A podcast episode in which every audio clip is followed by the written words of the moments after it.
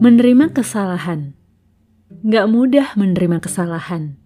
Hanya orang yang jujur, yang mau belajar, dan berjiwa besar yang bersedia menerimanya. Kesalahan di mata orang belum tentu salah di mata kita sendiri. Kesalahan bagi orang lain berarti ada sesuatu yang gak pas, tidak benar buat mereka, meski bagi kita itu hal yang lumrah. Perbedaan itu wajar. Tiap orang punya sudut pandangnya masing-masing. Hanya hal prinsip saja yang merupakan sebuah kemutlakan yang tak bisa diganggu-gugat.